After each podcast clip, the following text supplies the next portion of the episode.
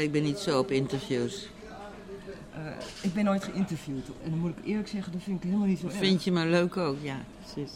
Maar eh, wat, is er, wat is eigenlijk het, vervelende, het meest vervelende aan Kom, ga eens hier zitten. Ja, Kom. hij is mooi in beeld. Ja, Ach, goed zo.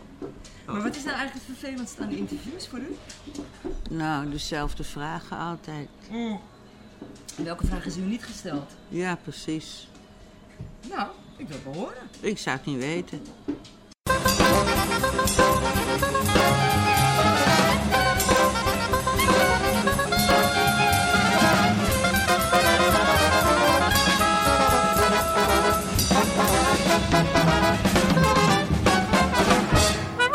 Luisteraars, welkom bij Geen Glad Gesprek. Een programma vol opvliegers, kwalijke humeuren en zoetgevoiste temperamenten. Uw presentator is Anne Salomons. Welkom bij Geen Glad Gesprek. We zitten in eh, Café Heuvel in het eh, centrum van Amsterdam. In de loop van het Rijksmuseum, wat net geopend is. En dat schijnt voor de klandizie eh, hier ook wel iets goeds te doen. Maar Café Heuvel is vooral een stamcafé van Nelly Vrijda. Eh, Nelly Vrijda is u alle wel bekend. van haar rol als strijdvaardige politica. Ze is inmiddels een gepensioneerd actrice. Met ontzettend veel rol op haar naam. Kijk maar eens op Wikipedia, het is niet bij te houden.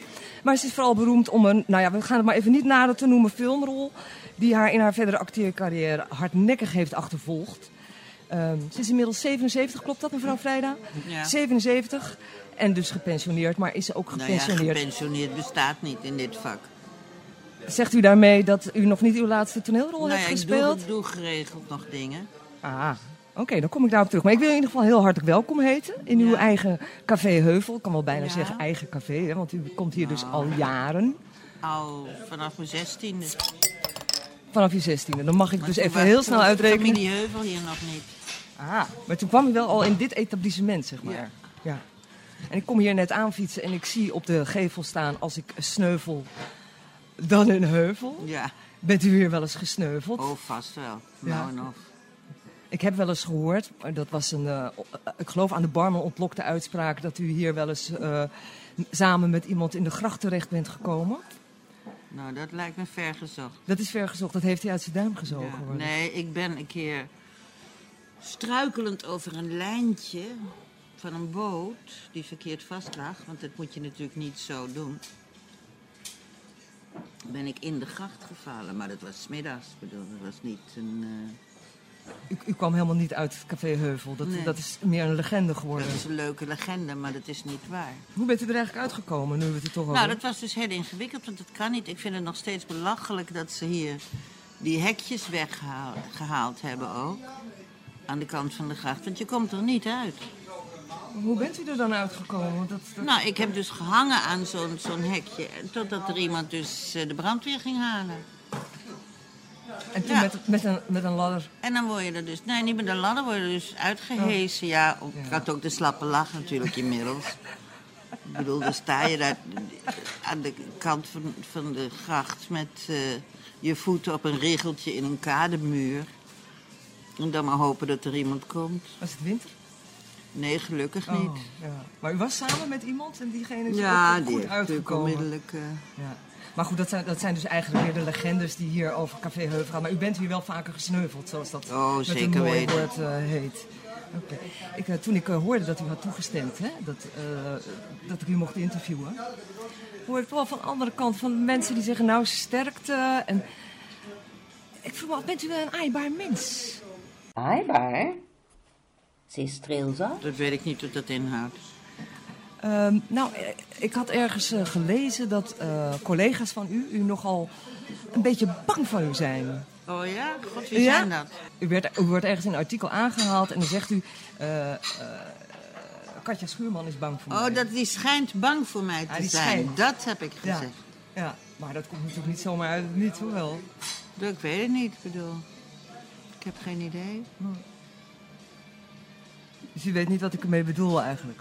Nou ja, ik bedoel, dan, ik, ik denk dat u ermee bedoelt dat ik niet aardig ben. Nou, dat zal dan wel. nee, ik heb het niet. Nou ja, misschien dat u misschien wel aardig bent, maar dat... eh, eh, nou, laat ik het zo... Als ik misschien gauw uw stekels opzet?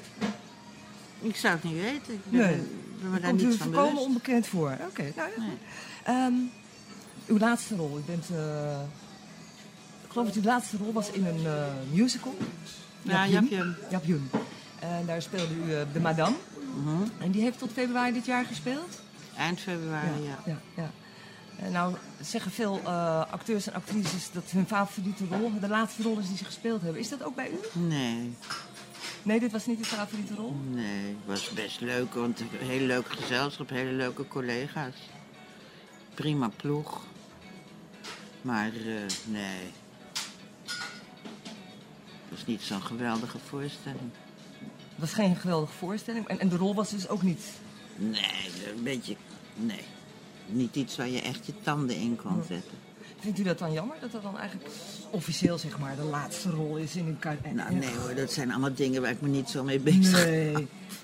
En, en een favoriete rol heeft u dus eigenlijk ook niet, of wel? Nee. Ik heb ooit een monoloog gedaan waar ik heel blij mee was. Dat vond ik erg goed. Welke monoloog was dat? Ja, ik heb even de naam vergeten. Eh, dat was ook heel leuk, is ook heel goed ontvangen. Maar ja, god, ik heb zoveel dingen Ja. gedaan. Ik Zou niet ontzettend veel eh, dingen gedaan. Maar u, dus die monoloog, u weet, u weet Ik niet vind meer... voor televisie nog altijd de Zeven Doodzonden van Brecht... vind ik nog altijd Ja. een van de betere dingen die ik gedaan heb. Maar ach... Ik zou niet willen weten, of ik zou niet weten wat eh, nou echt het leukste was. Nee. Maar als, als, u, als u terugkijkt op uw acteercarrière, bent u, he- heeft u gezegd nou, ik ben tevreden of er is nog één rol die ik... Nee, dat heb ik allemaal niet, nee.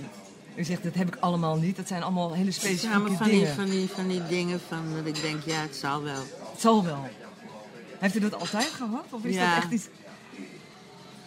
Wat, wat is dat? Het Ik, bedoel, ik vind het leuk om dit werk te doen. En ik bedoel, ja, hoe meer grote rollen, hoe lekkerder. Ja. Maar het is ook zo dat het heel belangrijk is met wie je werkt. En dat vind ik eigenlijk belangrijker dan wat je doet.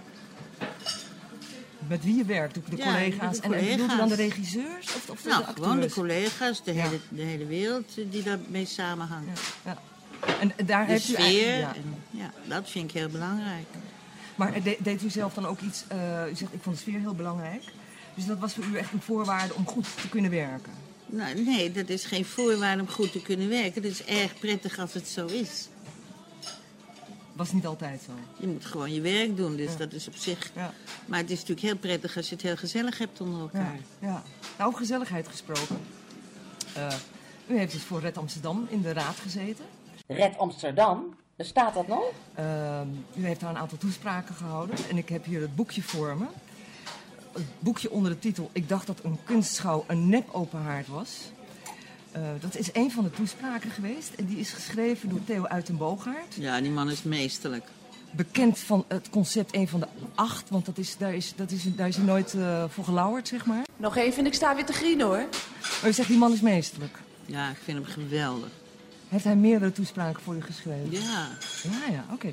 Ik, ik, ik wil u vragen ehm, of u een stukje uit die toespraak zou willen voorlezen. Misschien wel zoals u dat deed in de raad. En dat heet dus, ik dacht dat een kunstschouw een nep open haard was. waar staat dat? Eh, Een stemverklaring, voorzitter. Red Amsterdam stemt tegen de voordracht tot aanstelling van de beide kunstschouwen. Niet omdat we iets tegen deze mensen hebben, ik ken ze niet eens, maar omdat we niet weten wat ze gaan doen en waarom ze nodig zijn. Maar vooral omdat ze voor 37.500 euro per stuk op de begroting drukken. En zoals u weet zijn wij tegen geldverkwisten in deze moeilijke tijden. Elk dubbeltje telt. Ik moet toegeven dat ik, toen ik de stukken las, niet eens wist wat een kunstschouw was. Mijn eerste associatie was een nep openhaard. Een lelijke schoorsteenmantel. Iets van gips met ornamenten. Met zwarte schoenpoets verfraaid tot iets wat allure moet verbeelden voor de nouveau riche. Toen ik verder las, bleek het ook al niet een... Toen ik verder las, bleek het ook al niet een schouw in de werktuigelijke zin te zijn. Een onderzoek, een bezichtiging. De geregeld terugkerende inspectie van water, wegen en dijken, zoals de dikke van Dalen het inzonderheid noemt. Het bleek een levend wezen te kunnen zijn, een persoon die schouwt, Die kijkt dus, zoiets als een arts, een patholoog-anatoom, die lijkschouwing verricht. Zo bestaat er dus blijkbaar ook een kunstschouw. Iemand die kunst bekijkt. Daar hebben we er honderden van. Die staan dagelijks rijen dik voor het Van Gogh Museum. Hou nou toch op met die flauwekul. Waarom moet er een expert uit Turkije ingevlogen worden om het Aziatisch aspect van ons kunstenprogramma te beoordelen? Waarom moet iemand uit Engeland komen om de kunsteducatie in onze stad te bekijken? Ik heb mijn bril op, niet doen. Wij barsten van de adviescommissies voor de kunst. Wij barsten van de ideeën. We hebben een Amsterdamse kunstraad.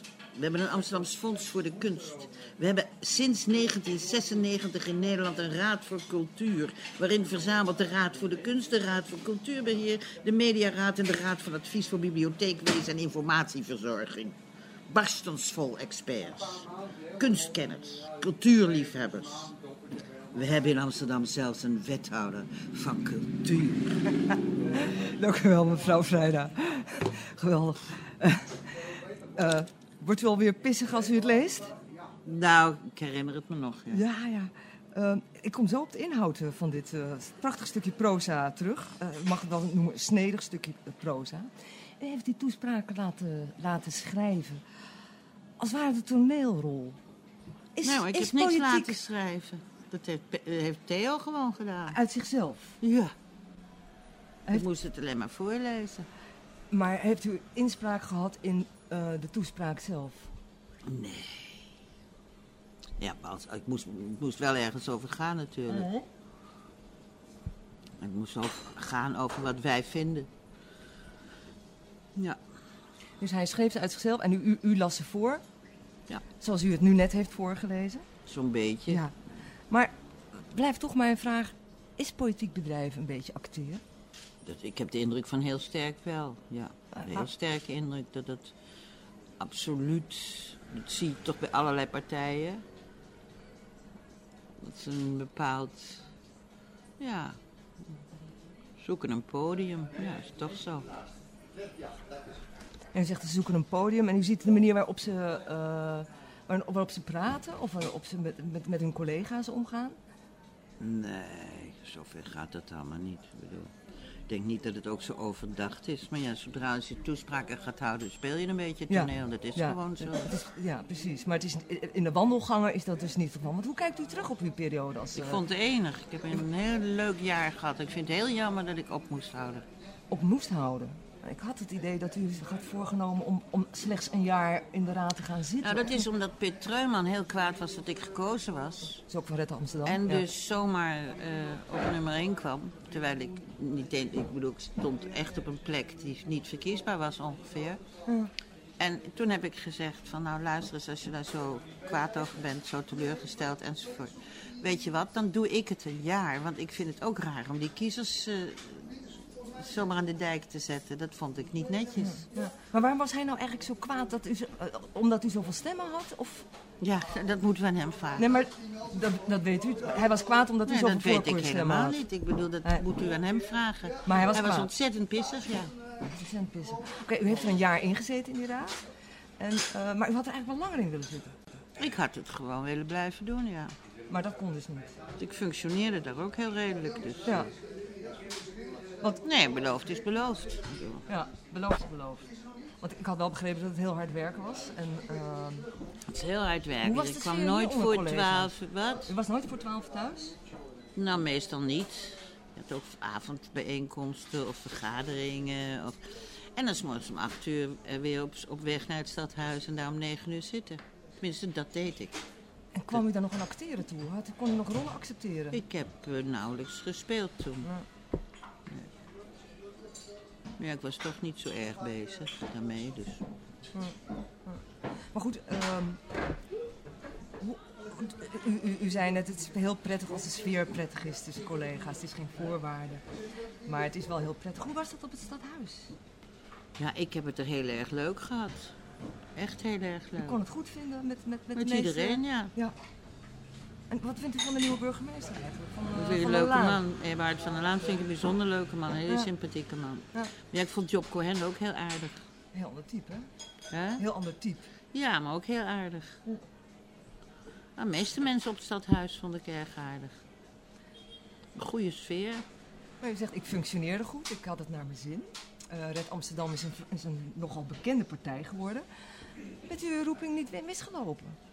Nou ja, dat weet ik niet. Heeft u er wel eens over gedacht? Van, hé, hey, ik had daar de politiek in moeten gaan?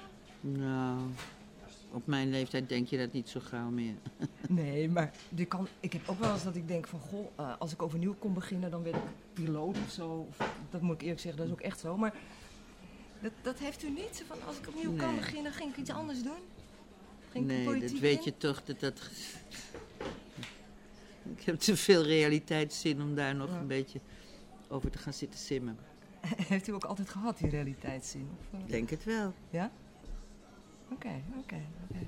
Ehm, ja, Red Amsterdam. Wie moet Amsterdam nu redden eigenlijk? Ik zou het niet weten. Wat vindt u van de stand van Amsterdam op dit moment in de politiek? Ik moet zeggen dat ik het de laatste maanden totaal niet gevolgd heb. Ik ben alleen maar bezig geweest met andere, de andere zaken. Dus ik weet eigenlijk niet hoe het gaat. Nou, ze zijn net terug van het eh, reces, hè, Mhm. dus ze gaan nu weer hard tegenaan, denk ik. Ja. Maar u heeft zoiets van, nou, Hm? ik laat het even rusten. Ja, ik, eh, bedoel, tuin, ik heb er Ja. natuurlijk niks mee te maken nu. Dus Nee, nee. Dus u volgt het eigenlijk ook niet meer. volg ook niet wat uw eigen partij... de Nou, zo af en toe, partij? als ik het hoor. Doen ze het goed? Ik heb de indruk dat ze erg hun best doen. En of ze het goed doen, dat weet ik nog niet. Nee. Nee, ik- daar volg ik het te weinig voor. Oké, oké. Om me daar Ja. over uit te spreken. Dat zou ik niet weten hoe dat gaat. Is- eh, Gewoon geen zin eigenlijk. Gewoon, eh, Hè? u heeft gewoon geen zin in of heeft het te druk? Nou ja, ik, ik sta er nu te ver vanaf. Dus dan denk ik, ik kan wel gissen. Maar dan, dan zou ik gewoon weer eens naar een paar vergaderingen moeten. En eens volgen hoe het zit. Gaat u misschien in de toekomst nog wel doen? Misschien. Ik weet Ja. het niet. Oké, oké. Ehm, u bent altijd een beetje druk geweest met, met strijdvaardig zijn en actie voeren. Ik heb en- heel veel acties Ja. gevoerd. En heel veel Ja, u bent behoorlijk strijdbaar. Geweest in ieder geval, Geweest? ja. ja. Ja, we hebben wel veel gedaan in de loop der jaren. Hm, Ik, ik, ik, ik zag in vrouwenbeweging. Ja. heeft zich eh, verzet tegen de Oost-Westlijn in de tijd, de jaren tachtig, hè, dat de Ja. Jodenbuurt eh, moest verdwijnen. Nou, ik vind het nog steeds terecht. Ja. Ja, ja. Ik kan nog kwaad over worden. Ja? Een heel stuk nostalgisch Amsterdam dat gewoon tegen de vlakte ging. En voor een lijn die nog steeds niet heeft bewezen dat we hem nodig hebben. En, en, en, was toen de PvdA ook, nog, ook, ook de grootste partij eigenlijk? Want dat, die zijn al heel wat jaren de grootste partij in Amsterdam. Ja, was in ieder geval een van de grootste partijen. Ja, in Amsterdam altijd wel de grootste geweest, geloof ik. Ja. ja. Oké, u kunt er nog kwaad om worden eigenlijk. Ja, ik vind die hele eh, metro, de, die hele metro-affaire, als je kijkt naar wat het allemaal kost en wat het teweeg heeft gebracht en wat het uiteindelijk opbrengt, Ja. denk ik, nou, Ja. het zal wel. Want nu ook die Noord-Zuidlijn, hè, daar is, dat is eigenlijk bijna zo'n beetje de bestaansreden van Red. Amsterdam. Als ik het zo kort door de bocht mag formuleren. Ja, Waar zou dat geld volgens u beter aan besteed worden? Nou, ik kan me voorstellen dat er ontzettend veel sociale doelen zijn waar je het aan kan spenderen. En eh, woningbouw, weet ik wat allemaal. Gewoon voor de mens, voor de Amsterdammer zelf. Ook al vloeit traan. Want dit zijn, wat, u heeft het ook eh, bij Red Amsterdam over de tweede sluis. En eh, ook over de- het verdwijnen van de opstapper. Dat is een klein busje wat langs Nou, de dat grachten is een rijdt. ramp. Het rijdt niet meer. Nee. En het heeft dus voor een heleboel Amsterdammers grote betekenis gehad toen dat ophield. Het is echt heel naar. Ja. U heeft er zelf ook nog gebruik van gemaakt. Want u woonde ook hier op de Prinsengracht. Ja, ik Ja. wil opstappen vaak. Maar ik bedoel, Ja. ik kan ook lopen en ik kan ook fietsen en ik kan ook met Ja. de auto. Maar het sterft in, binnen Amsterdam aan de oudere mensen die dat soort mogelijkheden allemaal niet hebben. Daar was het grandioos voor. Die komen nu hun huis niet meer uit. Of alleen op de hoek. Maar eh, terug op die strijdbaarheid. Eh, hoe, hoe was dat vroeger bij u thuis? Nou, ja. Mijn ouders waren natuurlijk echte SDAP'ers. Zaten in de, eh, in de ondergrondse. Dus denk dat ik het wel met de paplepel heb ingegoten gekregen. ik had een zusje, Joods zusje. Dus eh, zij deden aan de hulp aan onderduikers. En dan, een van de voorwaarden is dat je dan niet zelf iets, i- iemand in huis neemt. Maar dat kind, dat was anderhalf. En eh, op een gegeven moment eh, was de vrouw die, die dat kind zou nemen, die dorst ineens niet. En toen heeft mijn moeder gezegd, dan doen wij het. Wat levensgevaarlijk was, maar goed. Dat meisje leeft nog, dus nog steeds mijn zusje. En haar Ach. ouders zijn ook uit Friesland teruggekomen. En die zijn allemaal ondergebracht door mijn vader toen. En En als je je nagaat ja, dat ja. je dat op houten banden naar Friesland ging en zo. Maar, wat? Heeft u nog contact met dat eh onderduik eh, zusje? Mijn zusje, ja natuurlijk. Ja, ja. Nog Maar zegt, steeds het, mijn het, zusje. eh, eh, eh, eh, het zat in het gezin, die Ze is nu ook in de strijdbaarheid. zeventig. Ach, Ja, het scheelt vijf jaar met woont ze ook in. Amsterdam of niet? Ja, ze woont in Amsterdam, buiten Velden. Eh, u zegt, ik kreeg met de paplepel, inge, pe- paplepel ingegoten. Hoe gaat zoiets?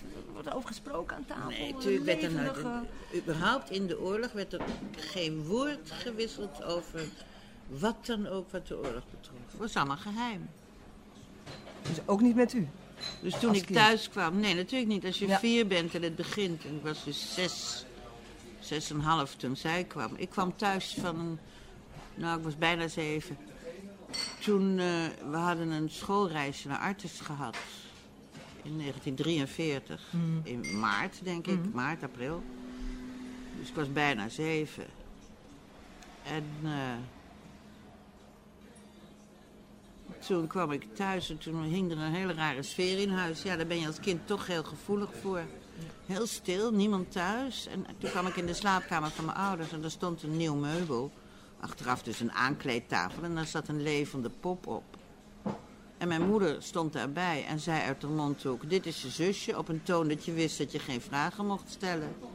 Maar ik had s'morgens gezegd tegen een jongen die volgens mij uit een heel groot gezin kwam en katholiek was.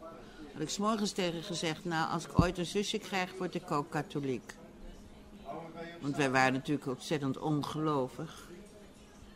En eh, nou, toen kwam ik thuis, toen had ik dus ineens een zusje. Dus ik ben minimaal zes weken ben ik zeer gelovig geweest. En waar uitte zich dat in? Nou, dan- dan dank u wel, God. Ja, En zo. ja geweldig.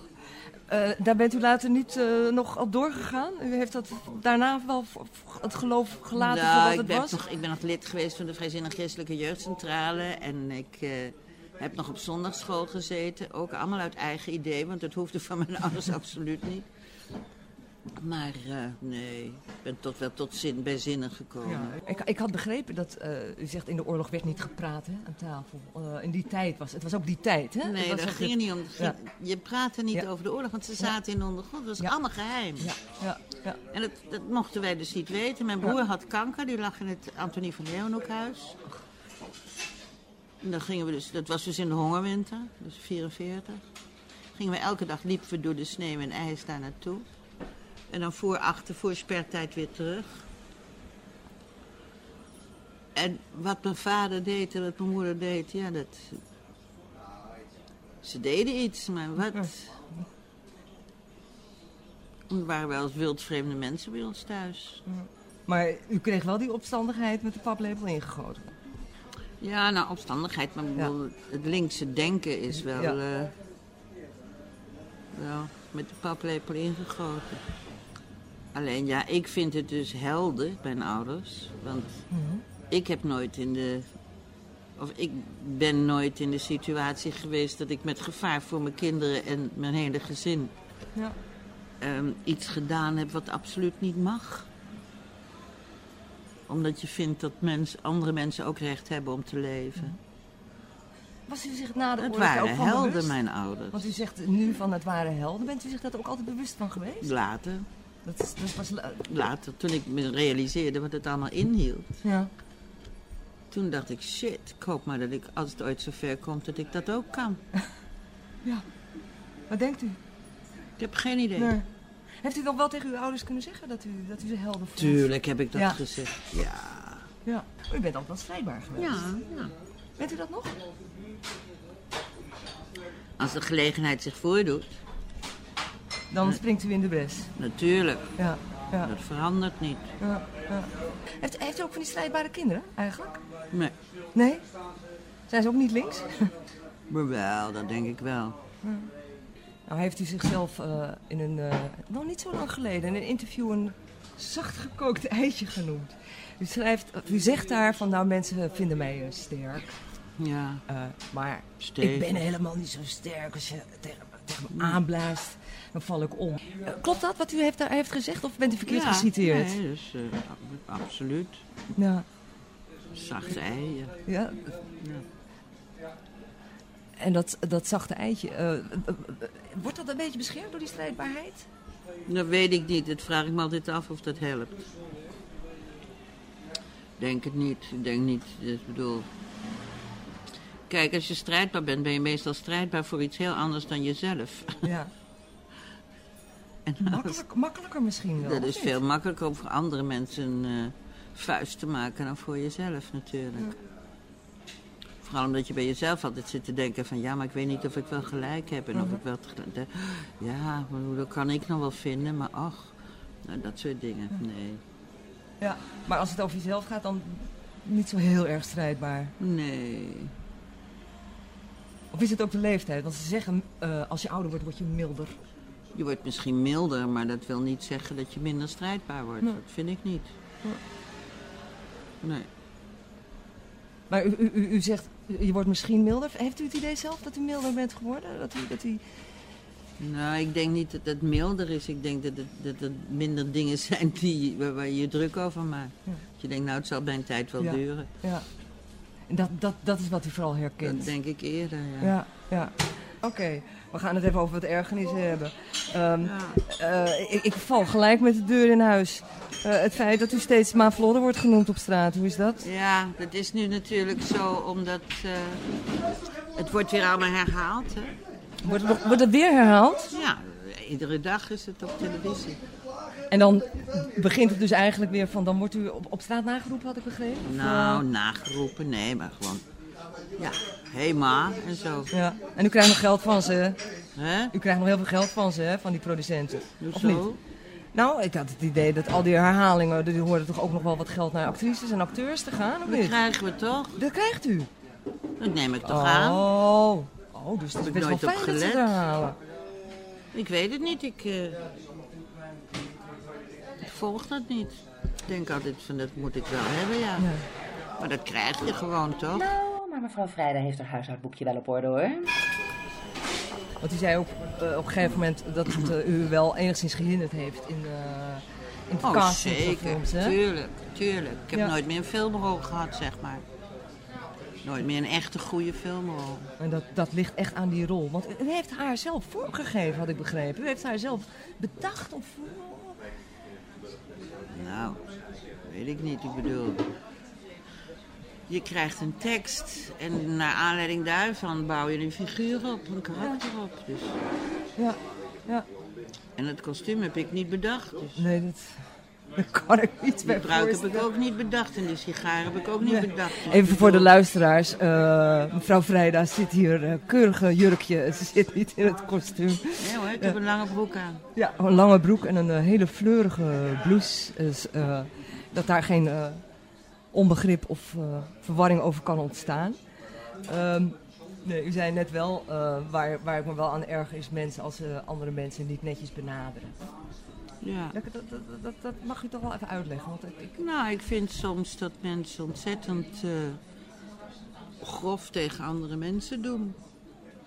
Al was het maar als je, ergens loopt dat iemand die voorbij wil je ongeveer op, om, omver duwt. Dan denk ik, ja, waar heb dat nou voor nodig? Dat ja idee? waarom moet dat zo? Ik bedoel, zeg dan mag ik er even langs. Of zo. Maar dat is allemaal niet. En dat was, ja, dat ga ik dus echt heel ouderwets doen. En dus, eh, vroeger was dat anders. Denk ik. Maar ja, ik weet niet of dat zo Maar is. je ziet het toenemen dus eigenlijk. Dat, dat, dat, dat, een Nou, beetje, ik vind het tegenwoordig wel eh, vaak heel onbeschoft, ja. Wordt nu eenmaal je bij, ziet het eh, ook bij, bij supermarkten. Dan ja. is er een grote rij. En dan gaat er een andere kassa open. En dan stort die hele reizig op die kassa. En terwijl ik denk van, nou, laat dan die achterste en dan die... Maar nee, dat is dan...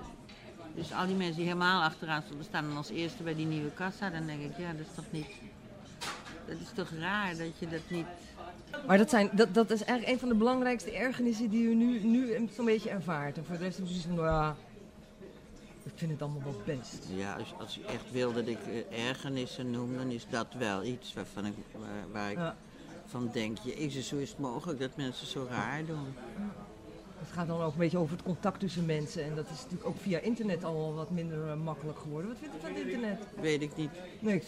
Bemoei ik me niet mee. U heeft geen internet, u heeft Nee. geen e-mail. eh, Nee, ik heb het allemaal wel, maar ik vind het verschrikkelijk. Ik vind het zo depersonificerend, of hoe dat heten mag. Ik, ik begrijp niet waarom mensen niet gewoon even opbellen. Ja. vind ik ook makkelijker, want dan heb ik meteen antwoord. Ja. Ik hoor het wel vaker van mensen die inderdaad exact hetzelfde zeggen. Dat als je dan eh, belt en dan zegt mensen, zet maar even de mail. Maar U, u mailt ook niet, u skypt ook niet met uw zoon in, eh, in Japan. Ik heb één keer van mijn leven geskypt met hem en toen heb ik daarna een uur lang oeverloos zitten janken. Toen dacht ik, wat is hier aan de hand? En toen dacht ik, oh jee, ik kan hem niet aanraken, dus ik heb het nooit meer gedaan. Oh, Echt een ja. uur lang oeverloos zitten snikken. Toen dacht ik, nou dit heeft geen zin. Dat is de schijn dat je contact hebt, maar Ja, maar je ziet hem en, en eh, ja. En je zit te praten alsof je naast elkaar zit. Maar er zit niet naast elkaar, er zit eh, een halve wereld tussen. Nee, over werk wou ik iets zeggen. Dat het heel moeilijk is om te wennen aan het feit dat je niet meer werkt.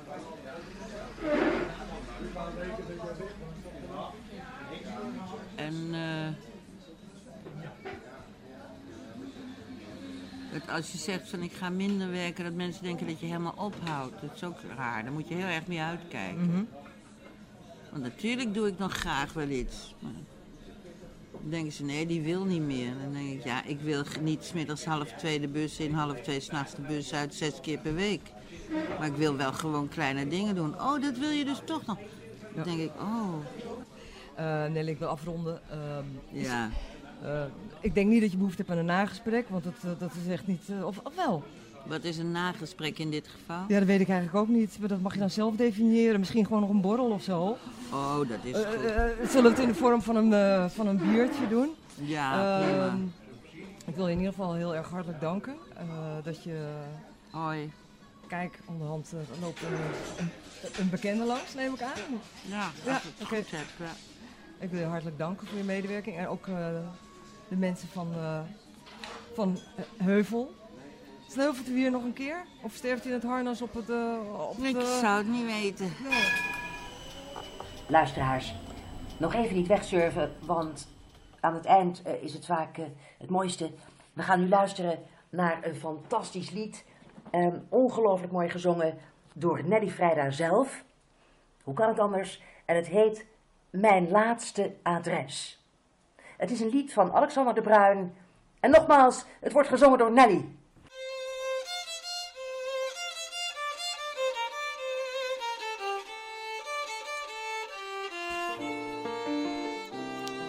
Ik heb in mijn leven veel huizen versleten, in zoveel verschillende panden gezeten.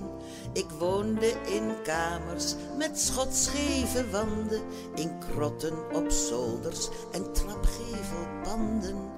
Maar nergens was ik zo geborgen en thuis als hier in dit warme, gezellige huis. Ik ken alle hoekjes en kieren en gaten en zwoer ooit dat ik dit huis nooit zou verlaten. Ja, je wordt ouder, de jaren vergaan en straks belt de eerste verhuiswagen aan. Nog één keer dat sjouwen, nog één keer die stress. Dan ben ik op weg naar mijn laatste adres.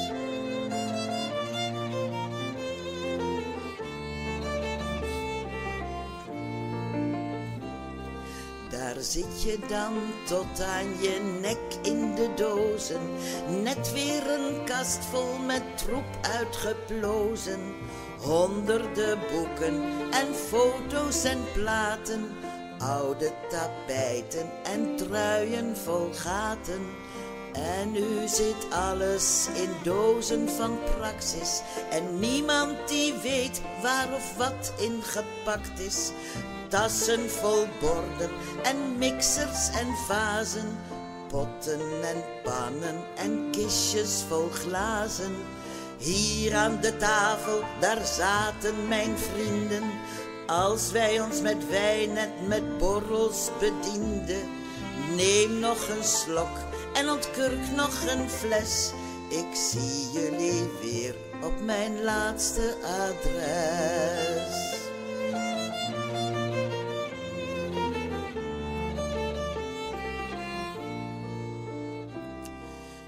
Doe straks het licht voor de laatste keer uit. Als ik mijn deur voor de laatste keer sluit. Het wordt alweer donker, het is bijna half zes. Gelukkig kom ik straks thuis.